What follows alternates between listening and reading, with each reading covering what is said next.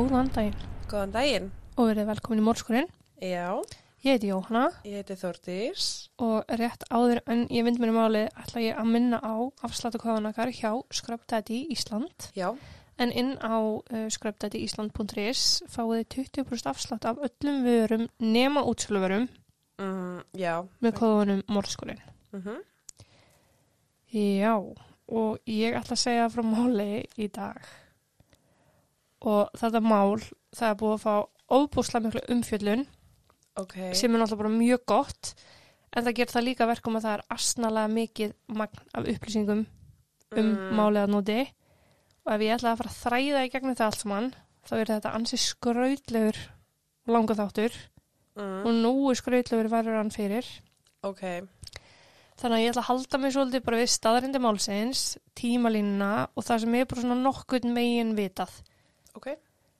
Ég fylgst, uh, ég er búin að fylgja svolítið með þessu máli en ég ætla ekki alltaf að taka það af því að þetta er svona mm, já, eða ekki orðið, þetta er bara svona umfangsmikið mál. Mm. Það er of mikið spurningum ósvarað Ok. en svo var hlustandi sem óskaði eftir að við tækjum þetta mál. Þannig að það kom svona tækifæri til að henda mér á það, þannig ég bara gerði það. Ég veit ekkert hvernig það fer. ok, það kemur í ljós. En ég ætla að segja þér frá honum Chance Engelbert. All right. En hann fættist hann 2. desember árið 1993 í Edgemont í South Dakota í bandaríkunum. Mm. Og til að ruggla hlustendur ekkert frekar þá bara segi ég hér og nú frá því að hann átti tvo fóreldra og hann átti tvo bræður. Ok.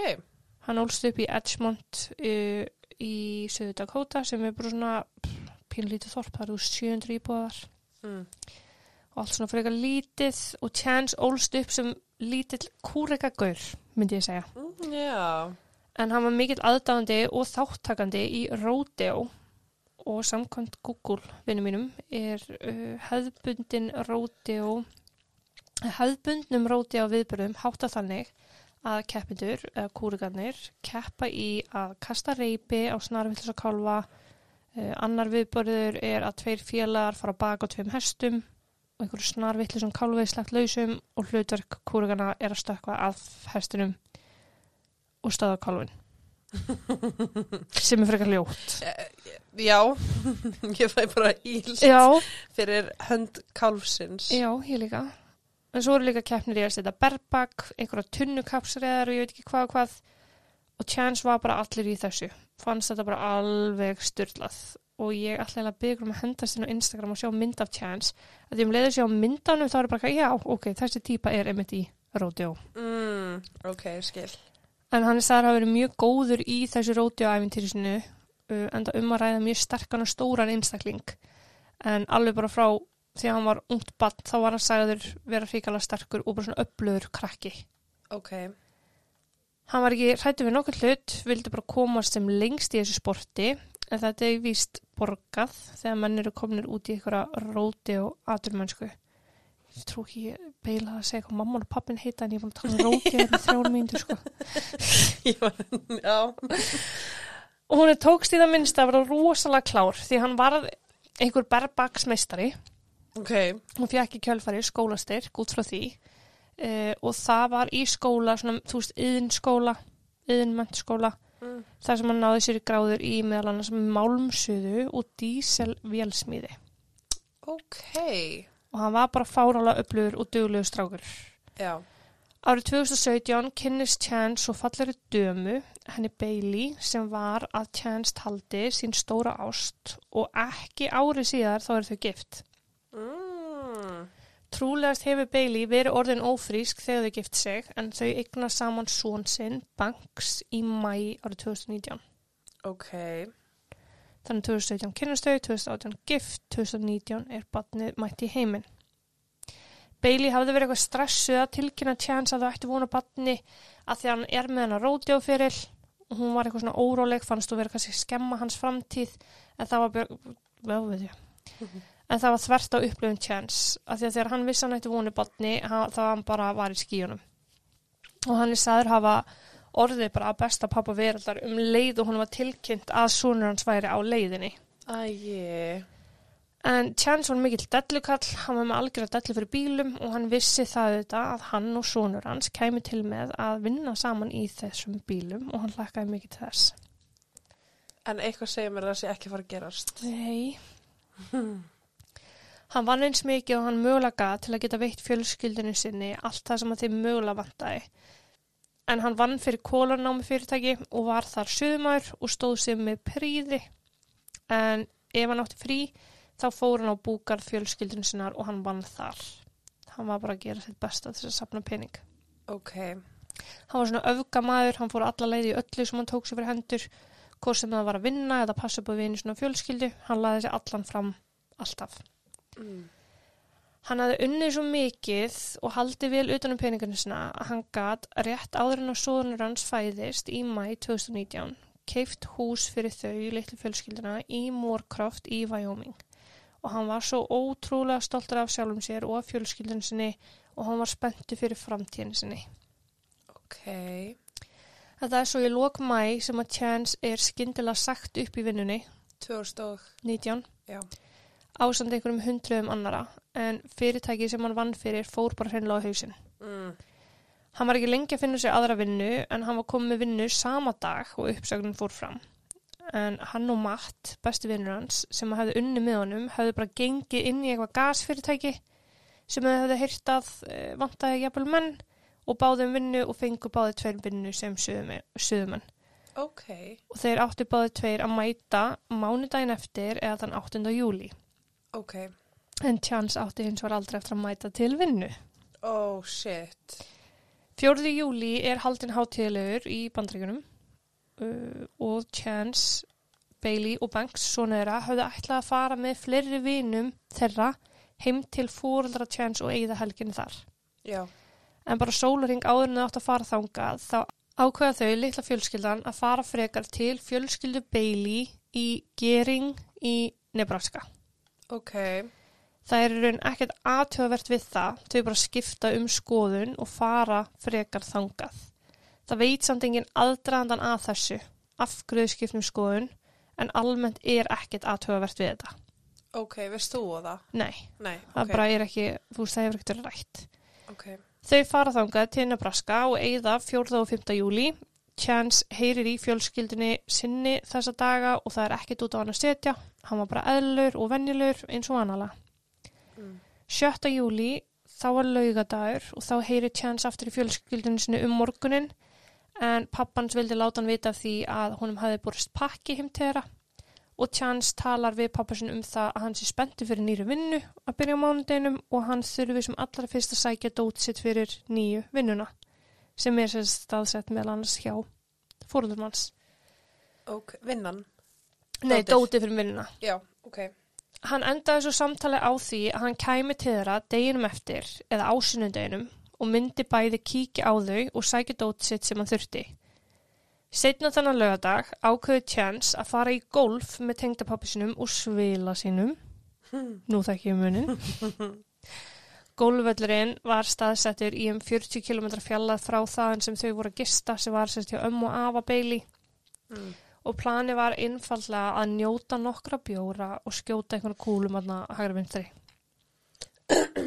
Ok. Einhvað kemur fyrir á gólvellinum sem verður til þess að Chance ringir í Bailey mjög hátt stemdur og hann er bara í hrikalega vondskapi og segir henni frá því að pappanar, tengda pappi hans, hafi sagt eitthvað við sig sem hafi sært hann og hann vilji að hún komi og sæki sig núna strax. Ok, en hann segir ekkert hvað. Nei, segir bara að það hafi orðið einhver orðas, orðaskipti þarna sem hafi farið fyrir brjóstaðunum og hann vilji bara fara. Ok. Bailey kemur í kvelli með Banks, þeirra með sér, sem er bara, þú veist, hann getur ekki hafa verið mikið eldri en fimm veikna þarna, sko. Mm. Uh, hún er sagðið hafa alltaf að stíga út úr bílnum þegar hún var komin, bara til aðtjóða málið, bara vita hvað væri í gangi. Já. En að Chance, að Chance hafi þá gengið í áttabílnu þeirra og sagt henni bara hreinlega að drulla sér aftur inn í bíl af því þau var bara að fara. Ok. Tengdapappi Chance hafði þá sagt einhvað varðandi það að Chance hafi misti vinnuna og væri nú komið aðra vinnu. Af því að vinna var Mm. kannski ekki alveg eins góði hinn vinnan hafi verið en hvað nákvæmlega fór fram er ekki alveg vita en við vitum þó þetta að tengdapabbi skýtur einhverjum orðum á Chance Ok, sem hann uh, tekur nærið sér. ok. Í bílnum á leiðinni tilbaka þar sem þau voru að gista þá er Bailey að reyna að sannfara Chance um að þetta hafi bara verið byggt á miskilning og hann sé að gera úlvalda úr. Já, Chance var uh, víst frekar lítill í sér að hafa mistvinnuna uh, en það er ekki þú það er ekki eins og hann hafi verið rekin samt fyrirtæki fór bara hausinn hann gerði ekkert af sér sem var til þess að hann misti vinnuna nei, akkurat. hann hafði ekki til þess að, þú veist, það var ekkert sem átt að vera hans samvisku sko Nei, en Bailey geng, gengur mjög illa að róa Chance sem er bara ákveðin að hann vilji fara heim bara heim úr ferðalæginu. já, bara til Moorcroft í Wyoming Ok, Bailey keiri til ömmu afa síns sem þau voru að gista og þá verður Chance enn reyðari af því að hann vildi bara fara allaleg heim. bara beint. Já. Já. En það er sko fjögur að klukkstund að keista þangað og það er ekki hlaupið að því að bruna heima óundibúið unga barn í bílnum. Akkurat. Þegar hún lagði fyrir utan heima hjá ömmu svona afa þá er Chance ennþá mjög reyður og ósáttur að þau hafi ekki kyrt allalegana heim. Og Bailey er eitthvað svona að reyna að róa ástandið og segir við hann bara, herru, við skulum bara pakka saman dótinu og fara af stað, ekkert mál. Og hún ákveði þá, hún fyrir bara inn og meðan Chance verður eftir úti enda banks en þá í bílnum. Ok. Samkvæmt Bailey var hann horfin þegar hún ætla út í bíl aftur. Hann hefði bara labbað í burtu. Og skilja batna eftir í bílnum. Já, og banks einn út í bíl sem er almennt mjög ólíkt chance að gera það. Ok. Hún gæti lítið annað gert að því stöttu annað en að bara fara og sækja batni úr bílnum. Hún byður ömmu svona afa um að passa banks á meðan hún færi að líta eftir chance. Þetta er að gera slokkan hálf átta um kvöldið og það er ennþá bjart úti þegar þetta er gerast. Ok. Kortur í átta ringir Chance í vinsinn Matt. Hann er mjög reyður þegar hann ringir í Matt. Ósáttur en ekkert umfram það. Hann er ekkert eitthvað sturlaður, skilur við. Nei. En hann segir hann frá því að hann hafi lænt í einhverjum, í einhverjum ósættum við tengdapappi sinn uh, fyrst og svo hafi hann endaði að rífastu Bailey og hann byður Matt um að koma að sækja sig og segir hann um það að hann sé að ganga í átt til Torrington sem er í 56 km fjallægð frá Gering þar sem hann var með Bailey og Banks. Já. Matt segir honum að hann hafi ekki tökað að sækja hann og Matt var frekar svektur út í sjálfa sig að geta það ekki en málið var innfallega það að hann var búin að vera að drekka allan daginn og því ekki með nokkur móti örugt fyrir hvorki Matt niður chance að hann fær eitthvað að stað að sækja hann. Alls ekki, sko. Hann segir chance því að reyna að retta sér öðruvísi ef hann ætlar ekki að gefa sig og fara aftur til Bailey. Já. Bailey ringir í Chance strax eftir að Chance tala um Matt og reynir að sannfara hann um að hætta þessu bylli en Chance segist vera að, að labba norður meðfram einhverjum skurði í átt að Torrington. Það er eitthvað svona smá skurðir meðfram þjóðvegum Já. í, í hérna þessum ríkjum. Ok. Matt hafi verið með samvinskupið yfir því að geta ekki aðstofa vinsinn svo hann ákveður uh, að ringja í mömmu Chance bara þess að leifinni að vita af þessu. Chance var nefnilega ekki mjög líklegur til að dempa þessu endilega á mömmu sinna eftir það sem áður hafði á gengið en máli var það að hjónabæð Chance og Baileys það var fjarrri því að vera eitthvað fullkomið. Já. Ok. Þetta gatt fjölskylda þeirra begja og vinir vel staðfest. Matt til dæmis hefði búið með þeim á einhverjum tímapunkti og hafði hort, haft orð á því að Bailey var svakalega djörf í að ásaka Chance um alls konar hluti. Ok. Þau voru ung, hún var yngre en Chance, sér að Chance 93 model, Já. ég skilst að hún hafi verið tvítug þarna 2019, það er 2099 model. Oh my god, ég var að ímynda mér einhvern sem er mikið eldri, svo átt að maður hann er bara ein ára eldri en ég. Já, Ok. þetta er fyrir sko fjórum árum líka. Oh god. Þetta er fyrsta sambandið þeirra begja og það er mikið álag. Allt í einu fara þau úr því að vera bara sinni eigin herra í allt í einu er hús þess að borga af skildum til að gegna og unga barn á leiðinni. Mm Það er náttúrulega bara mikið álag fyrir hvaða par sem er sko. Já. Bailey og tengdamáminar, uh, sérst mamma Chance, áttu nákvæmlega ekkert skap saman. Tengdamær og tengdadætur, þetta getur oft verið svolítið erfitt dæmi og var til ansmörg dæmi. Mm, já. og það er, í- þú veist, sjálfur sér ekkert óeðalegt það er bara að það þarf að slípa saman hana hliðar sem gengur oft brusla En sagan segir að Bailey hafi verið duglega að ringja í tengdamömmu sinna og reynt að skila sínennar til hennar aftur. Bara þú verður bara að koma að sækja Ó, ég vildi að skilja að ég geta gert það. án gríns. Þetta er náttúrulega svolítið íkt en enn og aftur mjög ung nýgift hjón. Já, já, skilja, þú veist. Já. Mamma Chance hafi búðist þess að borga fyrir þau einhverja hjónabarsráðgjöf sem þau hafði ekki þegið Ok. þannig að hún hafði í raun sagt við Bailey bara, herru, ef þetta er svona hrikalega erfitt þá verður þau bara að slíta samastum. Já. En Bailey til varnar. Chance hefur örgla verið frekar erfur að búa með. Hann er típan sem að drakk alla undir borðið. Hann er rosalega yktu persónuleiki sem bara spratt fram úr rúmunum miðjónótt ef einhverju vantaði einhvað. Mm. Hafði trúlegast engin mörg, þú veist, við fólki setið að vinni sem hefur örgla farið í tögutan á Bailey af því að þetta hefur bytnað á þeirra heimilslífi, sko. Já. Chance hafði þarna þegar þetta hafði átt sér stað beði mömmu svona um að vera bara ekki að skipta sér að hjónabandinu hans frekar. Hann vildi bara fá frið til að laga það sjálfur og þessi vika sem hann ætlaði að eyða með fjölskyldunni sinni, þessi tæpa vika hjá Mm. fóröldurum Bailey að ömmunar afa, það átti að vera svona vika til þess að laga hluti, til þess að þú veist að koma tilbaka bara til í lífið. Ok. Þannig eftir að Matt heyrir í mömmans 7. júli eftir að Chance lappar hann í burtu þá er hún auðvitað á milli steins og sleggju. Hann að döðlangar hringi són sinn og tengdi dóttir líka en hún vildi líka virða það sem að Chance hafi byggðið hann um nokkur dögum áður. Já. En mömmur eru svo sniður, sko. Mm. Chance hafi nefnilega ekki byggðið pappa sinn um að vera ekki skiptsrað. Litla lúphólið Mm. maður. Skilaböðun hefði bara átti mömman svo mammans fekk pappans bara til að hringi í Chance. Já. en Chance svaraði ekki símanum. Þá var frændans fenginn til að heyri honum og það var sama sagan þar. Chance svaraði ekki og þetta var eitthvað svona trúnaða frændi, bara besti vinur. Var þetta sama dag eða var þetta daginn eftir? Þetta er sama dag, þetta Ok. er bara að því sem ég er að segja núna, eða bara- kem til maður að fara yfir núna, er að gera sama dag, sko. Ok. Frænkan svo fenginn til að reyna líka að ringja og það var eitthvað kona sem hann hafi líka treyst fyrir öllu og var svona líklega til þess að uh, hann myndi svara. Það gekk ekki. Þá var nágrunans uh, beðin um að fylgjast með bara heimilinu hjá þeim, sjá Mm. hvort hann myndi koma næst klukktímana að því að þú veist það mætti vel að vera að hann myndi nára þessi vari Já. og hann spurðu hvort að hann hafi frétt eitthvað eða vissi eitthvað þú kom einhvern veginn bara allir gjössalega fjöllum að þetta var ekki beint sko í takt við Chance þannig séð. Nei.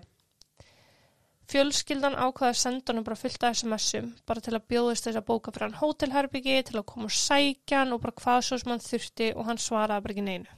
Ok. Nágræni Chance, þessi sem var beðin um að fylgjast með uh, húsnans, þetta hafði setið eitthvað illa í honum bara allt þetta ástand Ok. og hann ákveður að ringja sjálfur í Bailey og spyr hana bara halló, hvað er í gangi, af hverju ert þú ekki samskipti við fóreldrans? Þú veist, af hverju er ekki komin einhver samskipt á milli ykkar? Já. og þarna er einhverju hálftíma liðnir. Þú veist hvort þessi klukkutími eða einn og hálfu tími það er ekki mikið meira en það. Og Bailey er að reyna að malda í móunatna og draga úr alvegleika málsins. En sko eins og ég segi, Chance var ekki beint líklegur til þess að gera þetta en Chance var samt alveg líklegur til þess að lappa í burtu í reyði Já, og bara aðeins anda, pústa og koma tilbaka. já, hann var bara ekki líklegur til að lappa í burtu út af reyði þegar sonur hans var í bílnum Nei. eða hægt að svara. Og það fer að lókum svo að Bailey ringir í mömmu Chance og þær bera saman síðunar sögur.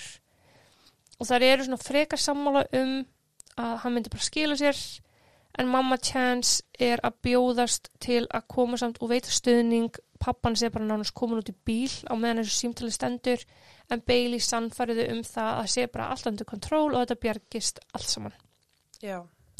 Setna um kvöldið var von á stormi líka, svo það var ekkit ráðulegt fyrir nokkurt mann að fara eitthvað á flakk. Þess þá heldur að keira fleiri fleiri klukkutíma í kolniða myrkri og grænend rigningu. Mm. Þarna er klukkan eitthvað millir 9 og 10 um kvöld og Bailey heldur áfram að keira um og leita. Sangat henni. Ok, þetta var iffi. klukkan 11 um kvöldi ringir hún sér í tengdamóðu sinna og lætur hann að vita uh, að því að nú sé stormunum brostin á og engin leið fyrir hana að vera keirum og leita því hún sæði ekki neitt. Bailey er vel upptrækt í þessu símtali. Bara svona, þú veist, kannski uppgefin eða eitthvað. Mm. Og hún segir, I think Chance is going to come home in a body bag. Eða ég held að Chance sé að koma heim í líkpoka. Ok, sorry, var hún eitthvað búin að ringa í laurugluna? Nei, ekki hérna. Ok. Mamma Chance er þarna bara uh, hvað átt þú við af því að hún held að þetta væri bara Chance að vera svolítið dramatískur og að hún þyrfti ekki að hafa þannig áhyggjur svo henni vitanlega bræður svolítið við þetta því hún er bara hvað er búið að ganga á sem ég veit ekki. Já, Hún er í kjölfari ákveðin að fara til þeirra og segja við Bailey bara, herru, ég er að koma og Bailey segir strax, nei, ekki gera það. Þurfum ekki að vera að halda. mm, Það er líka að stórum hlut til að því að veðrið var snarvittlust. já, En það er enda á því að róa hverjaður niður í kjölfarið og gera bara svona fastlega ráð fyrir því að Chance láti sjá sig setna um kvöldið um nóttin eða næsta morgun. ok. Sunnudaginn 7. júli þá vakna Bailey og það er sko talað um hún fari í kirkju en frásögnin er samt þannig að hún hafi ekki farið í kirkju. Ok, En klukkan 11 þá hefur Bailey samband við lauruglu og hún tilkynni Chance týndan. já, svo stæn eftir. Já, Ok. Ég meina skiljilega, hann skiljaði sér ekki heim, en nákvæmlega. nú ringi ég lauruglu. Mm En þegar fóröldar hans frétta þetta, þá er þau bara, ok, hvað meinar af hverju ætti að gera það samt? Ok, að því hann er tindur Já. og það þarf væntalega En aðstóð hún var búin að gera svo lítið úr þessu öllu, alveg fram að þessu, sko. Já, ég skil. Staðrindin var innfallega svo að nú var engin búin að heyra í Chance síðan rétt fyrir hlukan 8 kvöldi áður, svo það er eitthvað tæpi 15 tímar. Mm Símin hans var nú uh, dauður, eða í það minnst að leita allt út fyrir það og enginn vissi hvað hann væri. Þannig að það var bara komin tími til þess að kalla lauruglu inn líka. Já, Lauruglan var ekkert að hlaupa á staðan eitt. Gerðu bara fastlega ráð fyrir því að Chance hafi verið í vondu skapi, drukkið aðeins og marga bjóra í gólfinu, hefði jafnvel haldið áfram að drekka og væri kannski á okkurum bendir, bara einhverju kóju fyllri á okkur hóteli. Það voru auðvitað ekki 24 tíma liðnir frá því að hann gengur í burtu heldur sem er það sem að lauruglan vinnur náttúrulega svolítið með þann Mhm. tímarama. já, En þegar ættingir hans og vinir og Bailey fara að bera saman sína bækur, þá kemur strax í ljós að klukkan 21.08, eða tæmum tímindum yfir nýju um kvöldið, hafði Franku Chance borist textaskilubóð, SMS, frá Chance. En í þeim stóð bara eitthvað bull. Bara eitthvað svona sem meika ekki sens, eins og einhver hafði ítt nokkur sinnum á og það hefði autokorrekt að segja einhver orð já. og svo einhver um, e emojis. Ok, Og það var óeðalegt því að Chance var einhver eðal kúriki sem notaði ekkert broskalla. hmm. Svo fjölskyldum var bara eitthvað, þetta er eins og ég fara að nota hérna. Þú myndi vita að það var eitthvað að ef ég var að fara að nota suma emojis. það er eina leiðin fyrir mig til að vita að þér hafi verið rænt. Án það er að þú sendir mér eitthvað svona emoji en það sem er að brosa með hendunar í lofti. Mm Þá veit ég eitthvað Almennt, að. ég nota eða ekkert emoji, sko. En ok, getur ekki verið að síminn hans, getur ekki verið að síminn hans hafi bara verið ofin í vasanum. Jú, það má vel vera, sko. Já, það ok. er mitt ástand, það, þú veist, engum finnst þessi skilabóð hafa verið send viljandi.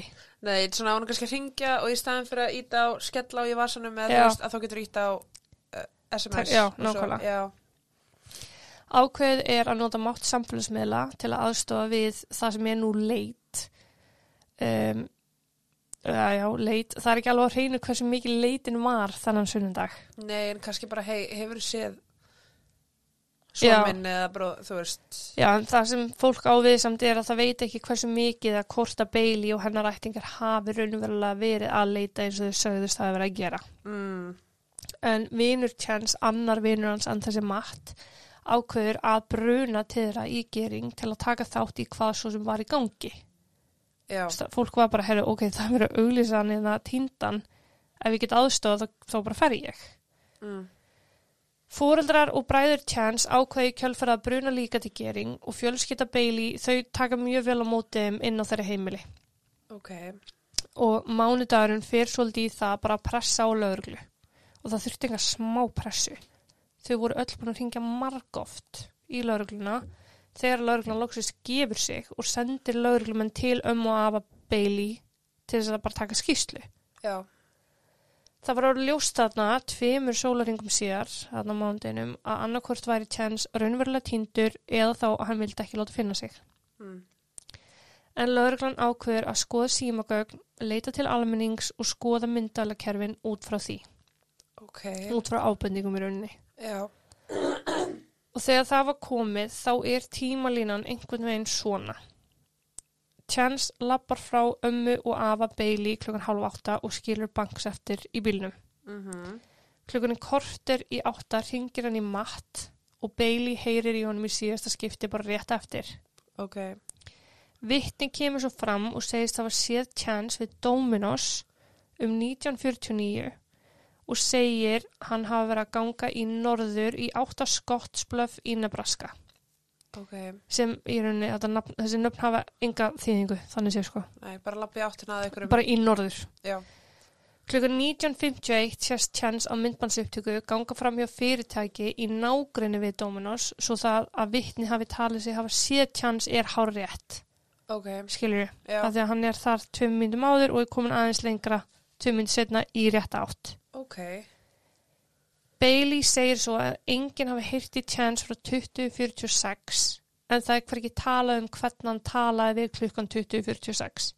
En það hafa verið umfjallinu um það að hann hafi verið að ringja í vinisina í Wyoming og Norður Dakota Ok. til þess að reyna að fá eitthvað til þess að koma að sækja sig. Ok. Var eitthvað sem svaraði að kom fram með að létt vita eða eitthvað Já, það, þú veist, það er einhvað, það er bara ekkert svo mikil umfjöllun um það því það virðist bara ekki skipta málinu neinu máli. Nei, ok. En hann talaði við einhvern. Já. Já. Klukkan nýju þetta kvöld, það er komið slæmt viður. Það er bara rigning og eldingar og læti. Mm. Það er flott hygg. Eldingar.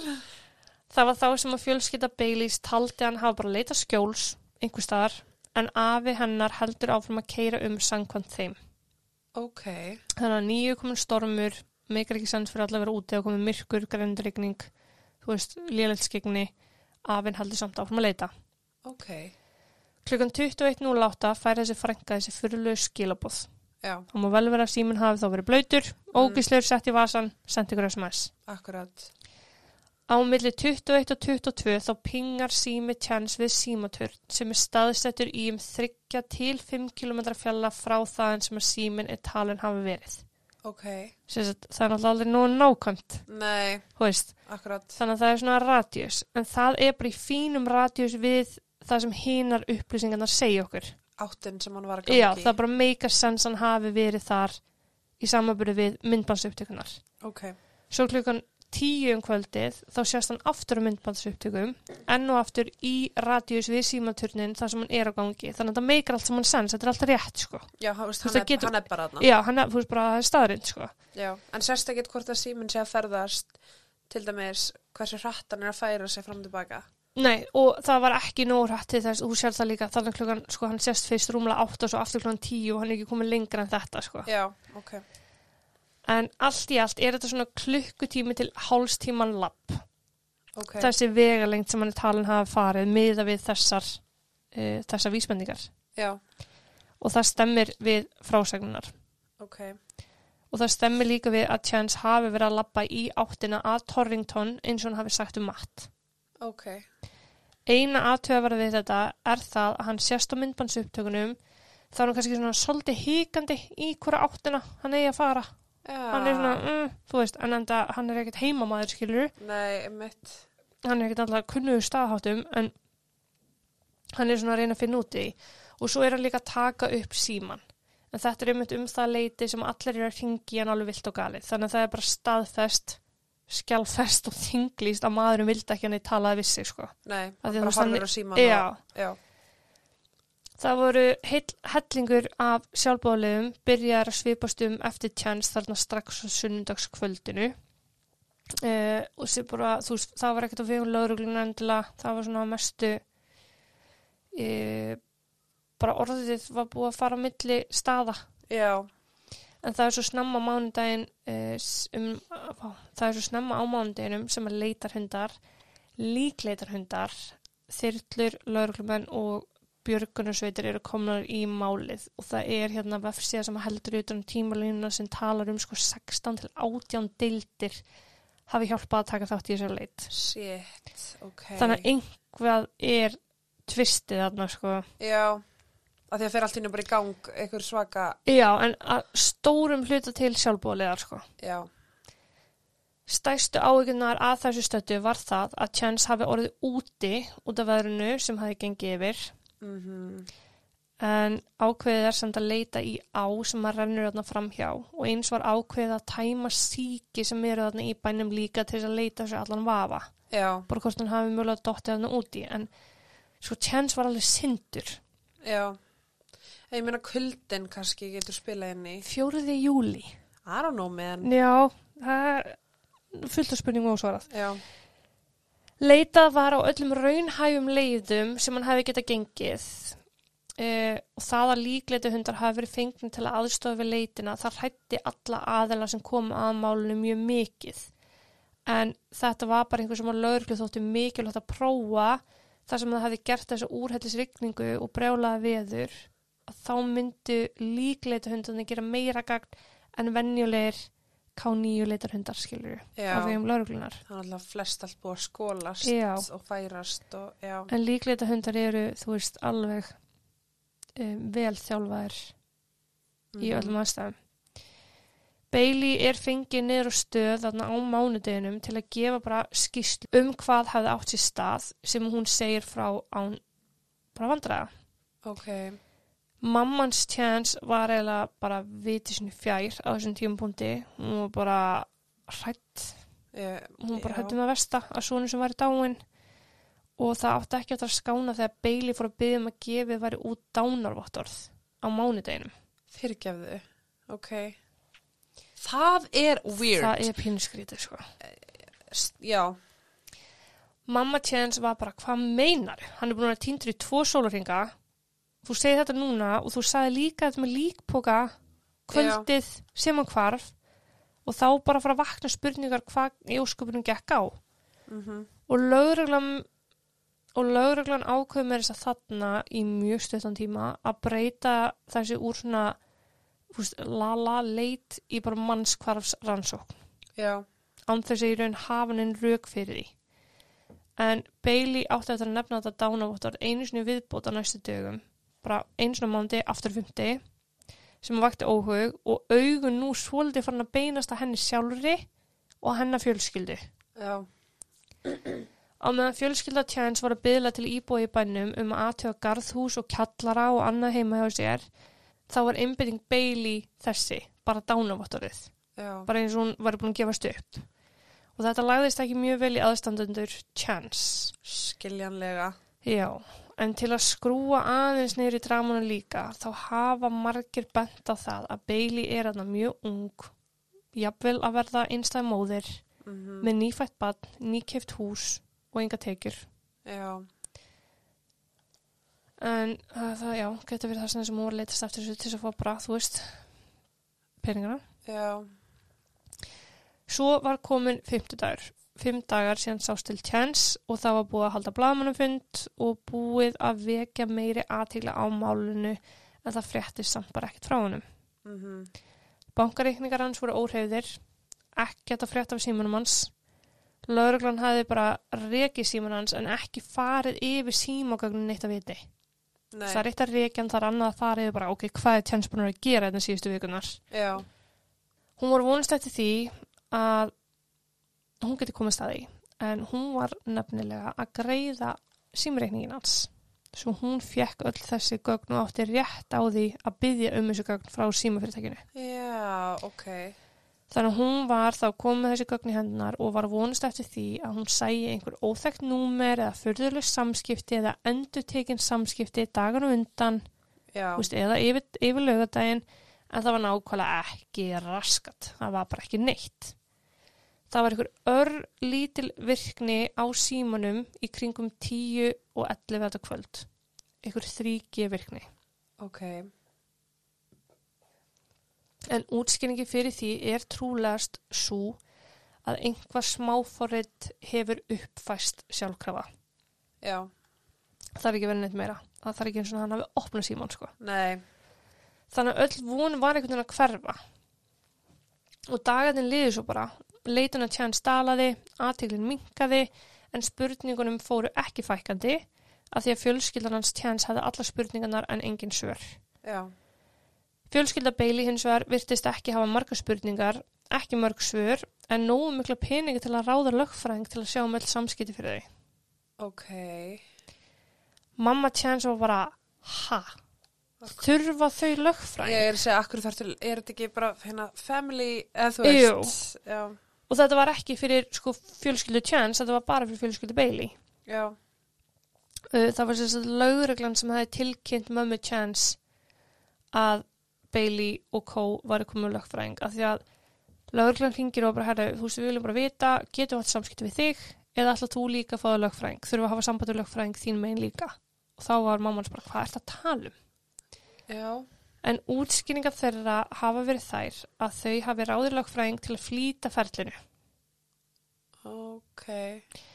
en að ráða lögfræðing gerir í rauninni ekkert annað en að hæja á ferlinu Já, að því að einstaklingarnir sem þarf að ræða við þeim er ráðlegt að svara ekki, tala ekki, kom ekki, ger ekki, já, og það kom ekkert einskoðar upplýsingar úr því Nei. eins og að þú bara talar beint við manneskina. nákvæmlega. Og þetta var þver öfugt við fjölskyldu tjann sem höfðu öll búðist þess að ræða við lauruglu til að aðstáða eins og þau mögulega gáti og þau voru meiri sem bara að á okkur legapróf.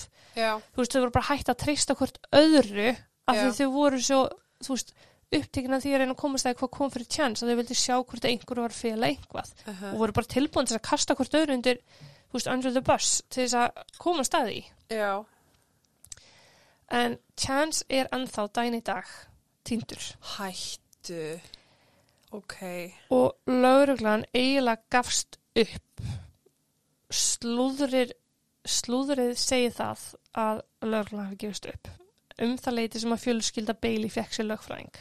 já, Og að hvarf Chance er meira og minna skrifað á það núna að hann hafi látist að slísförum, að hann hafi að öllu líkinu druknað og svörin sem að fóruldra hans fá er í rauninni þau að hann vonandi skili sér bara einhver tíman aftur á einhverjum tímapunkti. Sem bara segjum að ef hann druknaði í þessari á sem að rennur meðfram að þá kannski skilar náttúrununum einhver tíman aftur. ok, Það eru svörin sem að uh, fóruldra Chance og bræður hafa fengið. ok. Fóreldrar hans eru ekki mjög hress með þau svör en fólk er heldur ekki hress með þau því þeim finnst þau aldrei vera á staðnum til að leita. Fjölskyldan fór til geringan á einu tímpúndi og komið eða ekkert aftur. Þú átt líka ekki sem nánasti aðstandandi að vera út að leita vegna þess að þú átt ekki að lappa fram að, Nei, og það er nákvæmlega hérna, þau hafðu farið heim til sín nokkur dögum eftir hvarf aftur, um, þau koma fara aftur og fólk lesi það sem einhverju uppgjöf og það ætti kjölfara ekkert efni á að setja út að rannsókn lauruglu eða viðbröð fjölskyldu beili en staðrindin er innfallega svo að mamma Chance var ekki vissum og hún myndi höndla það ef Akkurat. hún myndi finna svona sem látin. sko það er eitt að leita sama dag daginn eftir þegar þú ert bara með mikla von um að þú sérst að leita að Einmitt. lifandi mannesku en um leið og þetta fer eitthvað öðru í sig fyrir að snúast við Mhm. Að það átt ekki vera að leita Nei, sko, vegna þess að síðasta minningi þín á ekki vera að látna barninu þínu út á götur sko. Nei, bara, jafnvel illa farin eftir náttúruna og annað sko. Já, og til þess eru sjálfbáðlegar og lauruklan og þú veist, Já. svo mikið öðru fólki til þess að hjálpa til. Og hún er mitt bendur á það að hún leifði lauruglu og öðrum að nota sína krafti að leitað chance og hún notaði kraftarni sína öðru í sig með því til dæmis að vekja aðtegli á máli svona síns. Já, Þess vegna er svona mikið upplýsingu til um þetta mál. akkurat. Um, með því að safna pening til að rannsaka máli betur, með því að kaupa þjónustu fagmanna til dæmis. Mm Hún hefur margsinnis reynt að sannfara Bailey um að koma með sér í lið og hætta að fela sig á bakvið lögfræðing en Bailey harneitar trúlegast undir miklum áhrifum sinnar fjölskyldi sem er bara að reyna að venda hana líka. Já. En Og svo ekki? kenning um hvar chance er meðal annars svo, ég er bara að dempa mér hérna í, þú veist, aðal slúður kenninguna. Já. að pappi Bailey hafi gert eitthvað við Chance þegar hann brást svona við Sest, þegar Chance bregst þannig við að hann gengur í burtu frá Banks sem var í bílnum Já. að pappi Bailey hafi jafnvel farið upp í bíl jafnvel fundið hann á flakki þegar Chance voru á labbi og hafi kjölu farið gert eitthvað sem hann jafnvel átti eftir að sjá eftir Ok. skilur hvert er að fara? Já, þú veist, ég get alveg ímynda mér hann er kannski að ganga þarna um og pappas kemur og keirir á hann og, Já, eða bara drullar henni bíl. Já, og limar hann. Já, eða eitthvað skilur við mhm, fólki finnst skrítið að það sé búið að rekja ferðir Chance svona vel Sest, að það er sest, Bailey var út að keira Afina var út að keira, pappinar máur hennar og svili Chance, uh, Chance var út að keira en að enginn hafi síðan já, en við vitum núna eftir að hekja hvar nákvæmlega hann var og þetta er bara ein gata ekki svo mikil fjallað frá fjölskyldu heimili Bailey. Nei, og það voru vittni sem að sá hann. Já, af hverju sér engin tjens, af hverju sjá þau hann ekki labba þessa vegalengt Já, af hverju reykast þau aldrei á hann og af hverju sér engin tjens eftir þessa vegalengt já, það er alveg skrítið eða bara pjúra óhefni skilur kannski er það bara svona ógeðslega óhefni að hafa ekki mhm, reykist á hann. En það má alveg setja spurningum með merki við það líka að þetta er alls ekki stór bær. Nei, það sem fyrir alveg gegn þessari kenningu en gæti líka styrtana það fyrir bara eftir hvernig maður horfir á það. Mhm, fóruldra Bailey uh, ammenar og afi hafa ábyrrandi eitt miklum tíma í að leita tjans. Fólk hefur alveg orðið vitnaði já, það uh, sem sagt, dagana eftir hérna að hann hvarf þá heldur þau sem dáfram að keira út um allt. Það geti verk, verið merkjum sakleysi en það geti líka verið merkjum sekt. Já, Önnur kenning um hvar Chance snýra lindamáli þessa litla bæjarfélags sem að gering er.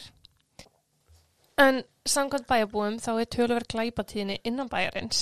Ok, en lauruglan og bæjarstjórn vil alls ekki hafa það upp á borði en það er það ekki mjög aðlaðandi til að uh, lokka utanakomandi til að flytja í bæin nei, ef að lítill bæri með háa glæpatíðinni. uh Nú er ég einungis að miðla áfram upplýsingum en ekki sannfara neitt um neitt. En það sem að fólki finnst styðja þessa kenningu til dæmis er það að staðamál chance er í dag missing person en ekki endangered missing person eða uh, mannskvarf eh, sem í hættu mm, eða sagamálarannsókn. já, Af því ef þetta væri uh, einstaklingur í hættu eða sagamálarannsókn þá myndi það hækka tíðinina á glæpa, mm, þú veist. Já. En ég minna þú veist, samt líka hann gekk sjálfviljur í burtu. Al, já, ég er 100% sammála, sko. Já, þú veist, þó svo hann hafi, En ég sé báða hliðar. já, ég er að segja, þó svo hann, hann hafi kannski bara viljað pústa Mm og eitthvað kom fyrir. Mér finnst allan að rosa ólíklegt að, þú veist, svona flest fólk sem að læta sig hverfa og stingur af, Já, það er búið að plana fyrirfram. Það er með pening á sér, það er búið að græja hitt og þetta, það lappar ekkert út í ykkur reyðiskasti og bara næra að koma sér fyrir ykkur öðru bæjarfélagi og vinna þar Nei. sem Pétur en ekki Jón.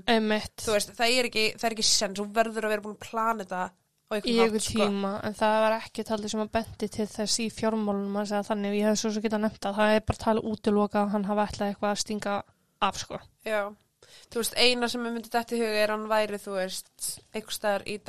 heimilislaus og bara það, þú veist, brenglaður í hausnum right now að hann veit valla hver Já. hann sjálfur er. En það er nefnilega annað líka að svona skyndilega skapbreytingar getur verið uh, ummerki um að eitthvað, sko, eitthvað heilbreysteint sé í gangi, ekkert endla andlegt, sko. Eitthvað líkamlegt ástand sé að gerast. Mm Það eru svona skyndilega breytingar í skapi. En lauruglan hefur verið ákveðnir í að þetta var fyrst fyllir í og svo slis. Svona reynda að busta þetta á borðinu strax eins og önnu hverju lauruglustu í bandarækjunum, sko. Já, bókstallega, sko.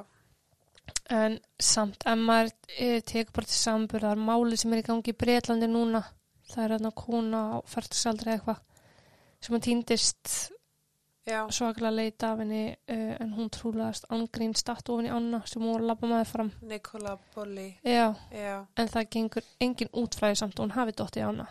Og það er ennþá virka rannsóknir kringum málið. já, Já, þessi konu í Breitlandi, hún dettur jafnvel út í á.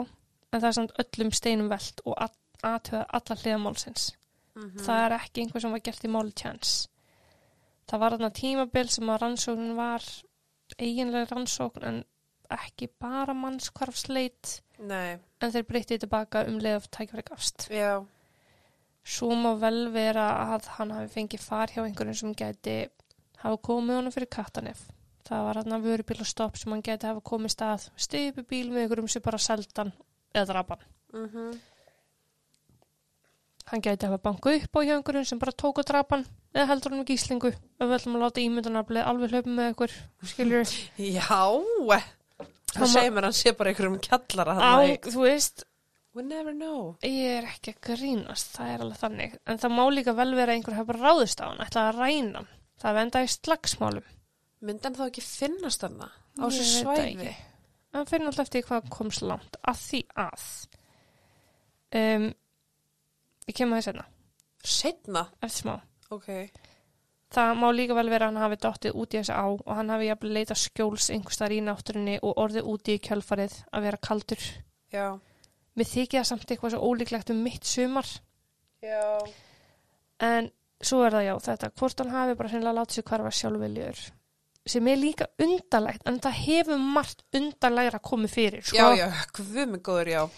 Þessi kenning sprettur út frá því að það eru margir sannfæri um að, hafa, að það hafi sérst til hans Chance, þann 11. júli fimm dögum eftir hann hvarf í Kasper í Wyoming Ok, og hvað er það langt frá? það er ekki mjög langt frá Ok. Akkur þetta benda mig. uh, að þegar Jeffrey Star býr í Kasper, Wyoming Ok. Þú bendir á mig svo sjösunum meðan þú sagðir Kasper Wyoming. Einhvern einasta stað. Já, ég bara fannst þetta merkilegt um, ég var búin að tjekka hvað er langt á milli Kasper Wyoming og það er ekki mjög langt sko Þetta eru 54 mínútur. já, ég er með lappandi hérna Já. nei, hvað skrifaði þú? Kasper til Wyoming. Þú sagði það. nei, Kasper í Wyoming Ó, Kasper er í Wy- Wyoming ok. á milli Kasper og Wyoming eru þrjár klukkstundir Akkur þú þá að segja millir Kasper og Wyoming er? fyrir ekki, á milli Kasper í Wyoming og Gering í Nebraska eru þrjár klukkstundir Ok. Jesus. ok. En lauruglu bast allan að símtal 11. júli um það að maður sem að líktist tjans var í gangandi með fram hraðbrutinni að reyna að húka sér far. Ok. Þegar lauruglu bara að þá var engan puttaling að finna. Mm. Þann 12. júni kom önnur ábending um að sérst hafi til tjans í Kasper aftur nú í Walmart. Frá tveimur mismunandi aðilum Já. að hann sé að sjást á þessu svæði. Já. Ok. Laurugla fór yfir 6 klukkustundir af upptöku úr búðinni og það var ekki með nokkur móti að hægt að staðfesta nýja útiloka Mm. að hann hafi sérstaðan inni. Ok. Nú hafa verið bóðinni peningar gegn upplýsingum um Chance en yngar áræðanlegar upplýsingar hafa búrist enn. Nei. Fyrstu upphæðnar voru 10 dalir en nú er það komið upp í 200.000 dali Shit. og þessi upphæð kemur til með að standa til annan desember 2023 eða þess ári eða þar til að þrítugs afmæli Chance rennur upp. Ok. Líkamsleifar hafa fundist í gegnum þessi þrjú ár þar sem að var von til staður um að væri fundin en það fór því mér ekki svo. Það fundist sko líkamslega 2021 og ég var viss um það að hann væri fundin. Já. Ég var sannfært sko en það var ekki. Nei. Banks, sonur Chance, fær ekki að eða tíma með pappa sinum að gera við bíla eins og Chance hafi viljað svo heitt. Ó, dreftu mig bara núna, sko. En Chance hefur ekki enn verið útskurað látin svo Bailey býður enn eftir því. Hún var hvað ég best veit að reyna að komast í gegnum hjúgrununám til að geta stutt við són sinn. Mm uh, lauruglan í gering segir við fjölumela að þeir eldi allar ábyrningar sem koma inn en ég er ekkert svo viss um það þú veist að þeir Nei. geri allar kannski en ég held að þetta sé mál þar sem að Chance kemur ekki til með að finnast hvorki lífsæliðin Ok, þú ert bara þar. ég, ég held að ef hann er dáin þá er hann dáin, ég held að ef hann er á lífi þá er hann nógu klókur til þess að komast, látast ekki komast upp eins og sko. Um, og ég veit alveg ekki hvað tilfinningi hef fyrir hvað nákvæmlega kom fyrir en það sem að mér finnst líka að þú veist mikilvægt að minnast á er að um, rétt áður en að svona hans fæðist að þá lendur hann í einhverju og það verður þess að þessi atunuferill í rótjónu er búinn. ok. Hann eignast svo svon og svo missur hann vinnuna. Þetta eru þrýr áhrif þættir sko. Já, þetta er þrjú áföll sem að, Algjörlega sem geta tryggur eitthvað. Hann tók nærri sér auðvitað er Að ekkert mist- áfall að eignast bann. það Skilurðu. getur samt verið ofbúslega mikið Þú veist, það er bara breyting, Breyting, sem að já, kannski fólk nákvæmlega. er ekki alveg undirbúið í. já og sko feður fá fæðingþunglindi Mm eins og mæður. Já, eða bara eins og fólundar skilur um, ég var eitthvað svona pæli í þessu því ég var að skrifa máli bara ok, gæti verið bara, þú veist, hann var svona lítill í sér að missa vinnuna, hann hefur væntalega verið lítill í sér að missa rótióferilin líka. Já, finnast hann eitthvað svona glataður máli vera hann að bara, þú veist, ég er bara ekki náðu góður fyrir fjölskyldan, ég ætla að láta mig hverja já, eða bara ég ætla að deyja. fyrirfram mér, Já, það má líka vel vera sko. Hvað sem að sé, að hann hafi bara ákvað að hefja lífið búin nýtt eða, eða hérna. Ég held hann hafi húkað sér fara eitthvað, en ég held hann sé ekki á lífi. mm Þú veist, að því að annars myndu, þú veist, ég tel það vera líklegt þegar þeir eru sjálfbóðaliðar að þeir hefðu leitað hvern einasta krók og Kim og kima á þessu svæði og hann hefði alveg fundist þarna ef hann hefði Ég látist þarna, sko. er líka sannfæð um það sko Þannig að ég held hann hafi mögulega bara fengið far. Og svo aðli þarf ekki endilega að hafa drepið hann, sko. nei, nei, nei, Þú veist, ég meina, hann gæti þess að hafa bara farið ykkur starf út og bara verið án matar og vass og bara, mm en sko máli líka með þetta mál er það að það er svo óbúslega mörg hlaðverð búin að taka þetta. Youtuberar uh, TikTok, þetta var morandi á TikTok sínum tíma. Já, um, hérna eitt vídeo áttur að sannfæra um hann hefði fyrirfæra sér. Annað áttur að sannfæra um að hann er kærustu eitthvað starf í Los Angeles sko. Já, þriðja er að fara að sannfæra um að, að kæristan hafi dreipað hann já, og, og pappin hafi coverað það sko. Mhm, Þú veist, það er að slæma á svona óbúslega mikið umfjöllumál og af hverju ég er hérna forðastu eins og ég get sko. að því að þá er ég bara að ég var, ég var vissum að það hefði slis svo er bara nei, hann leti hverfa. Svo bara nei, já, sitt, pappin drapan sko. Já. þú veist, ég er búin að vera bara á flakkinu síðustu ár mhm, að fylgjast með þessu. Já, en svona að kafa almenna ofan í þetta og skrifa, þú veist 22 blaðsina skjálum þetta að, að þá einhvern veginn um, er það mín skoðun að, að ég held að hann kom ekki til með að finnast sama hvað er sko þannig að þú heldur að hann sé ekki bara að djamminu í Reykjavík? Nei, ég er svo sem segi aldrei segi aldrei. En ég held allan að hann hafi hérna. Já, og þá eiginlega vonast ég bara til að hann sé útskurðaða látin sko. þannig að sonur hans líka bara fái það sem hann á rétt á sko, já bara Geti- samkvæmt erðalöfum sko. já, geti haldið áfram sko. Já en ég hugsa þessi lítið þetta bæta. Þetta er alveg ofbúslega mikið finnst mér uh, fyrir mannskvarfsmál að vera.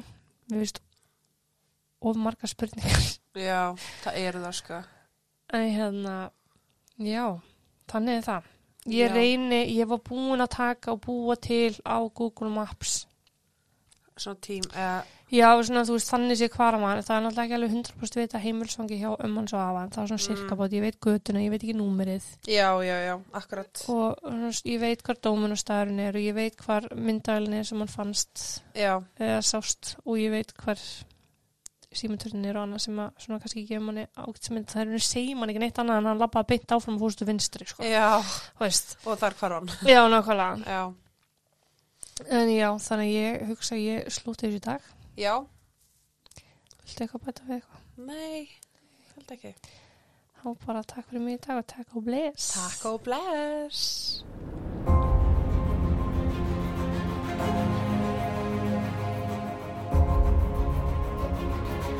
bless.